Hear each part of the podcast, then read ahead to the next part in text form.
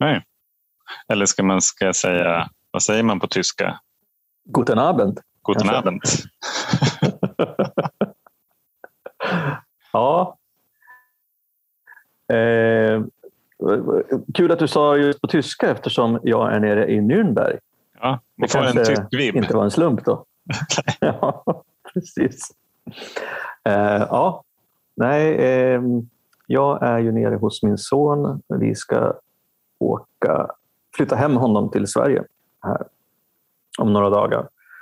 Och, eh, så jag har suttit i bil 120 mil eh, och sovit taskigt i fyra timmar på en färja så att jag är ganska slut. Men vi beslutade oss ändå för att vi skulle köra ett avsnitt ikväll, släppa det imorgon och det får bli lite så här oredigerat, oklippt och typ live nästan. Ja, ganska punkigt. Sådär som det var i början av Alkispodden Precis. innan det blev professionellt. Tänkte jag säga. Ja. Det har det väl aldrig blivit. Men, Innan det blev välproducerat, överproducerat. ja, exakt. Mm. Ja, Nej, men, så- men om, om man sitter 120 mil i en bil då har man ju lite tid att reflektera och fundera på saker och ting. Ja, det har man faktiskt. Nu har jag mest lyssnat på andra som har reflekterat, men det, vi kan återkomma till det lite senare. Mm. Ehm, hur är det med dig då? Men det är bra. Jag har en eh, ganska innehållsrik vecka. Det är, eh, Josefina jobbar sent den här veckan på en mässa så då får jag hänga med Elma även in på kvällen. Det är kul. Mm. Och eh, får vi se hur det här poddandet går eh, med, med henne här i rummet bredvid. Ja, vi båda har ju barn att, ta hänsyn till nu. Ja, Jag har Ruben inne i köket och håller på och slamrar. ja exakt. Eh, nej, men det är bra. Jag, jag håller på att mentalt förbereda mig för en, grej, en jättekul grej som ska hända nästa vecka. Mm. Jag inledningstala på en hållbarhetskonferens Mm. och, eh, som heter A Sustainable Tomorrow. Och, och frågan som kom var i princip, hur skulle man kunna använda dina erfarenheter och din kunskap från att vara nykter och att ha varit liksom, tagit del av, av tolvstegsgemenskaper för att kunna göra klimatomställningen. Som ju i mångt och mycket handlar om en jättebeteendeförändring. Ja, precis. Det gäller att folk kapitulerar ordentligt där. Då. Ja, jag tänker att det finns massa intressanta kopplingar ju mer jag tänker på det. Så att till exempel när jag var aktiv. Ja, det var inte så att jag lyssnade på några signaler alls som kom utifrån eh, det finns, lä läkarna sa okej nu ser det lite svajigt ut här eller eh, kanske kollegor skickar en liten pik eller vänner och sådär. Mm. Det är samma sak med hur vi som individer och kollektiv eh, reagerar på till exempel IPCC-rapporter. Mm. Och vi vet så här, oj nu, nu översvämmas eh, Tyskland och Belgien och det brinner en massa i USA. Oj vad tokigt. Ja, nej, men jag går och köper eh, en hamburgare borta bokar ett flyg till Thailand. Ja. ja, det är sant faktiskt. Så det, det handlar ju någonstans, tänker jag, om att vakna upp. Och, och frågan är så här då. Vad är det jag som individ behöver för att liksom kapitulera inför den här omställningen? Ja. Vilka konsekvenser är det jag behöver genomlida så att säga så att jag kommer till en punkt där att fortsätta skapa bara mer lidande så att då väljer jag att göra en förändring. Mm. Eller är det alternativt så, kanske båda, att vi lyckas måla upp en tillräckligt attraktiv bild av hur det ser ut när vi har gjort omställningen så att det kommer vara värt det. Mm. Den bilden som du och jag inte hade när vi var aktiva, när vi tänkte på hur det var att vara nykter. Nej, precis. Alltså, det där är jättespännande. Jag tänker på, jag tänker på det här med att, att bli nykter i ja, en tolvstegsgemenskap eller tolvstegsprogrammet. Det, det handlar ju om att, att inse en del saker och att göra massa saker. Mm. Och eh, det som jag kanske alltså, tänker på som, som, inte vet jag, blir svårt liksom, i den här liknelsen, det är ju det här att, ja, men att vi insåg att vi var kapital, kapitalister. Vi insåg att vi var alkoholister Ja, och att ingen, eh, att förmodligen ingen mänsklig kraft kunde hjälpa oss. Mm. Eh, men att eh, Gud kan göra det om vi sökte honom, till exempel. Mm. Och det är så här, ja, det är kanske svårt att få liksom, in andligheten i miljöomställningen, vad vet jag. Men ehm, det är ju också så att det kollektiva, ja, den kollektiva förändringen eller kollektiva förändringen av inställning mm. kan ju vara liksom en sån lite större grej liksom, som, som är större än, än jag själv. Mm. Det är en spännande tanke faktiskt, tycker jag. Ja, men det var kul. Det var jättekul att få frågan. Jag hade inte ja. tänkt i de banorna själv. Eh, och, och, som, en, som en fortsättning på det där så har jag tänkt väldigt mycket på det. Så vad är det egentligen att vara nykter? Ja, vad är det Johan? Om man ska översätta det till ett sammanhang som, alltså med människor som jobbar i politiken och näringslivet så är ju inte nykter det att inte dricka. Mm. Och då så fortsatte jag tanken då så här. Ja, det är ju fint att det var det för mig i början. Och innan jag slutade dricka så var ju att vara nykter, det var att inte dricka. Och sen så var det punkt där. Det var liksom ingenting mer. Men det har ju blivit någonting annat i nykterheten. Så själva processen i sig har ju ändrat definitionen av processen kan man säga. Ja. Och det, det jag tänker på nu när jag reflekterar över det där, det är att men, nyk, nykterhet är eh, att, att känna sinnesro och frid. Eh, som utan att tro, tänka, veta att jag behöver någon extern liksom, hjälp för det. Den, den, den har alltid funnits liksom, inombords. Mm. För det har, inte, det har inte funkat ändå. Jag kände ju, oh, jag kanske kände sinnesro någon gång när jag var aktiv precis när jag var så full så att jag nästan hade däckat. Precis innan jag däckade. Då var det nog ganska fridfullt. Men det var ju mm. korta, korta sessioner så att säga. Ja. Så jag, jag, tänker också att när vi ja, men i, alltså apropå kapitalistiskt, då, vårt kapitalistiska samhälle så är, ju, så är konsumtion en stor del av mångas, inklusive min egen tanke, eh, mer eller mindre omedvetet kring vad jag behöver för att liksom, vara lycklig, eh, känna, känna frid eh, och så vidare. Det kanske, är, det kanske är nästa kostym som gör att jag kan slappna av eller så.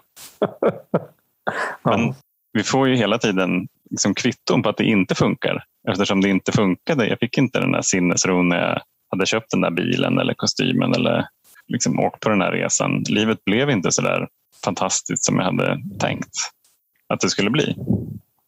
Så att uppenbarligen så är det så att lösningen inte funkar men jag försöker ändå använda den hela tiden.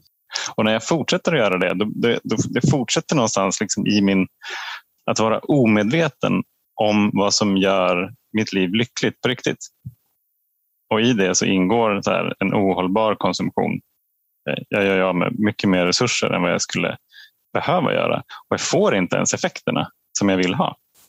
Så att det är liksom att, att ändra orsak-verkan-samband på något ganska grundläggande plan, tänker jag. Ja, alltså, jag, kommer, jag, jag, tänker på en annan grej också som är väldigt intressant, alltså en intressant vinkel. Det är ju så att, att prata om sin alkoholkonsumtion eller sina alkoholproblem eller att liksom leva i den här alkoholkonsumtionsnormen där ja, till exempel hade ju IQ och eh, någon journalist någon artikel debattartikel häromveckan om veckan om någon undersökning som visar att eh, men, eh, det är dags att liksom sluta skylla dåligt beteende på alkoholen. Ja, just det. Och just det där, men också de, de nämnde i den artikeln också att det, liksom, att det är svårt därför att normen är att det är manligt att kunna klara av alkohol, att AV ska innehålla massa alkohol, att fester ska... Liksom just att det normala är alkohol. Och mm. likadant, mm. lite likadant är ju det här med konsumtion och kanske miljöpåverkan. Att det normala är att se till liksom kapitalismen till exempel. Att mm. den har fått styra och att, att gå emot det. Att säga att nej, det här är inte okej okay, eller jag vill inte vara med på det här tåget. Det är lite, liksom lite samma känsla mm, av absolut. att man inte passar in i normen. Mm. Och att ha mm. styrka att göra det som ensam eller stå upp för det eller bestämma sig för att göra den här förändringen. Det, är ju, ja, det påminner lite grann om varandra. Mm. Ja, men det är det. det. Det är väl därför också som den beteendeförändringen är så svår. Mm. Och jag tror att vi som är alkoholister, för oss är det enklare eftersom på något vis är konsekvensen så tydlig. Ja. Alltså jag dör om jag dricker. Okej, okay, då är det en bra idé att inte dricka. Då väljer jag ett nyktert liv. Men, men konsekvensen av att fortsätta konsumera ohållbart till exempel, det blir inte lika direkt i alla fall. Det där är en intressant eh, betraktelse tycker jag. För att jag brukar ibland reagera på, alltså både i verkliga livet men också i till exempel film och litteratur, att folk är så jävla dramatiska hela tiden. Alltså mm. Allting är så... Ja, men en motgång blir liksom, det ska hämnas och det ska liksom, man är långsint och, och man blir jätteberörd av saker och ting som händer eller som, folk säger. Och att allting är så jävla viktigt och allvarligt och, och hotande och kränkande hela mm. tiden. Mm. Och tänker jag så här, jag brukar tänka som alltså spänn av. Alltså det är inte så jävla farligt det här. Nej. Och det kommer ju ifrån tolvstegsprogrammet och mm. den utveckling som jag har varit igenom, den förändring som där jag kanske inte tar åt mig på samma sätt. Jag tycker inte att allting är riktat mot mig eh, och jag tycker inte att liksom, andras aktioner eller synpunkter är så jävla viktiga för mig. Mm. Utan de får hålla på med det där.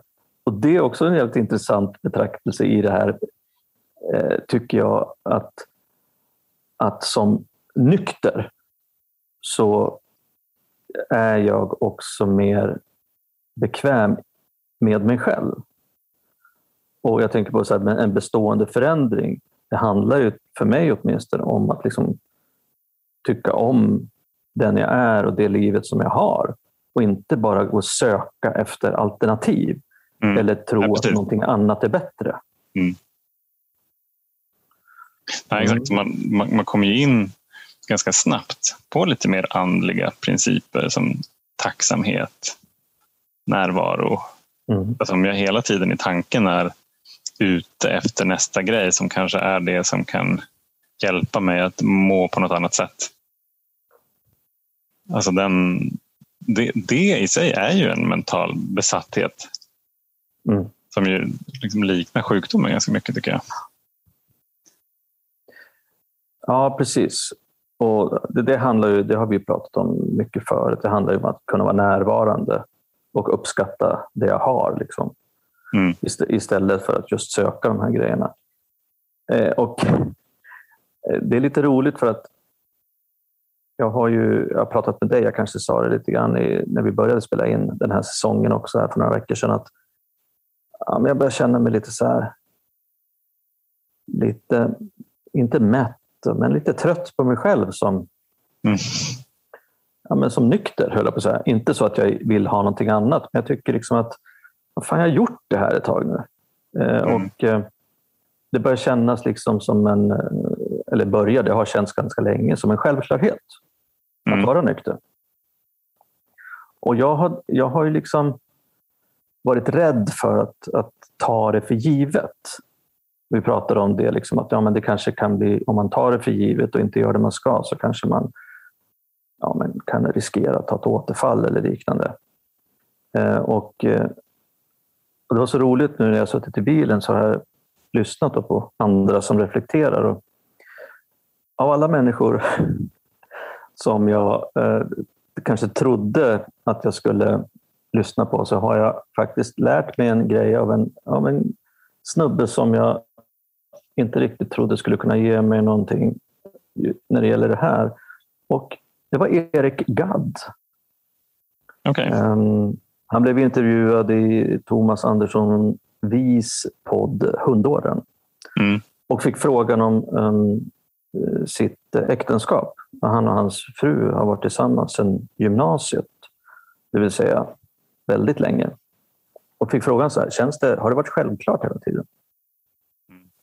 Det blev tyst ett bra tag och sen så... Bra fråga. Svår, svår fråga. Tänker jag. Ja, väldigt svår fråga. Det blev tyst väldigt länge. Jag tänkte, hur ska han förklara den här långa tystnaden sen? Men så, så kom man med ett väldigt bra svar som fick mig att tänka liksom annorlunda kring det här med självklarhet. Att, ja, men han sa så här att ja, men det är självklart. Det har alltid varit självklart. Och det har gjort att även om vi har haft svårigheter eller varit, inte varit liksom överens så har det varit värt att kämpa för.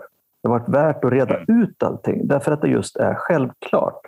Och då fick alltså självklart för mig en betydelse som istället för att ta för givet eller någonting som bara finns där så är det, vad jag sa här, en icke förhandlingsbar, ett icke förhandlingsbart tillstånd. Alltså som är väldigt viktigt för mitt liv. Mm. Det är självklart. Och det gör att jag, att jag liksom är beredd att kämpa för det här tillståndet.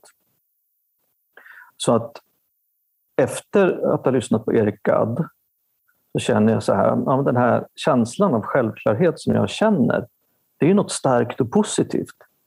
Istället för att jag tycker att jag tar det för givet och jag kanske ska kolla efter någonting annat som är nytt och häftigt och, och spännande.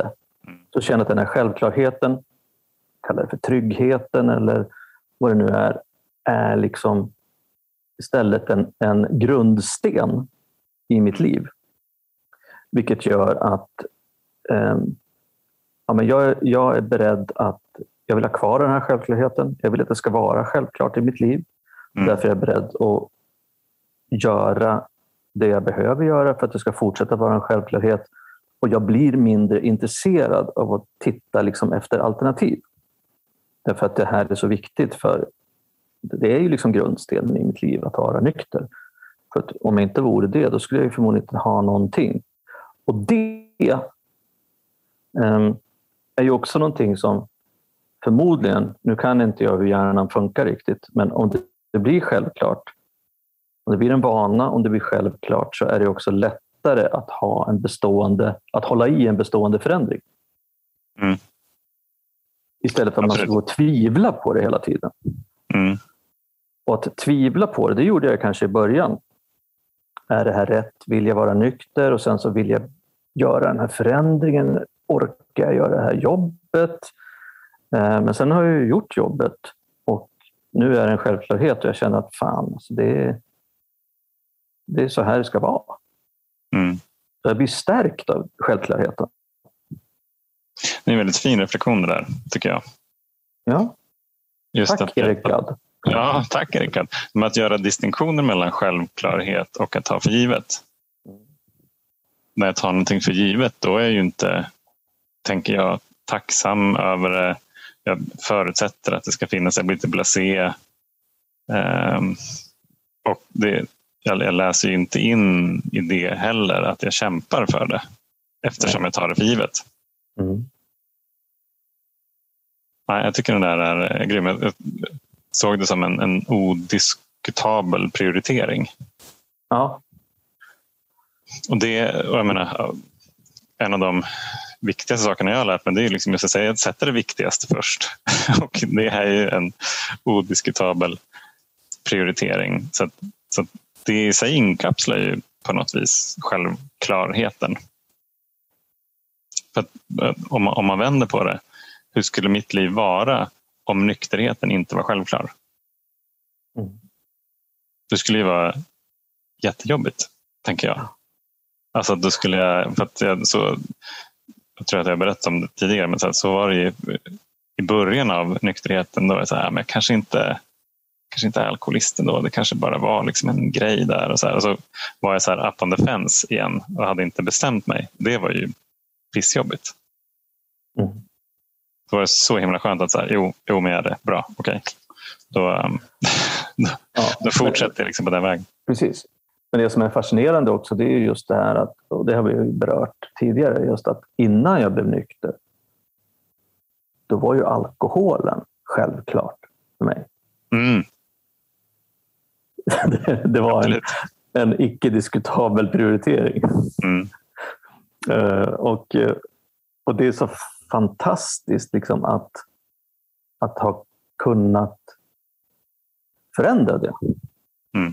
Med hjälp av tolvstegsprogrammet och liksom de här andliga principerna och, och det här jobbet som, som vi gör. Mm.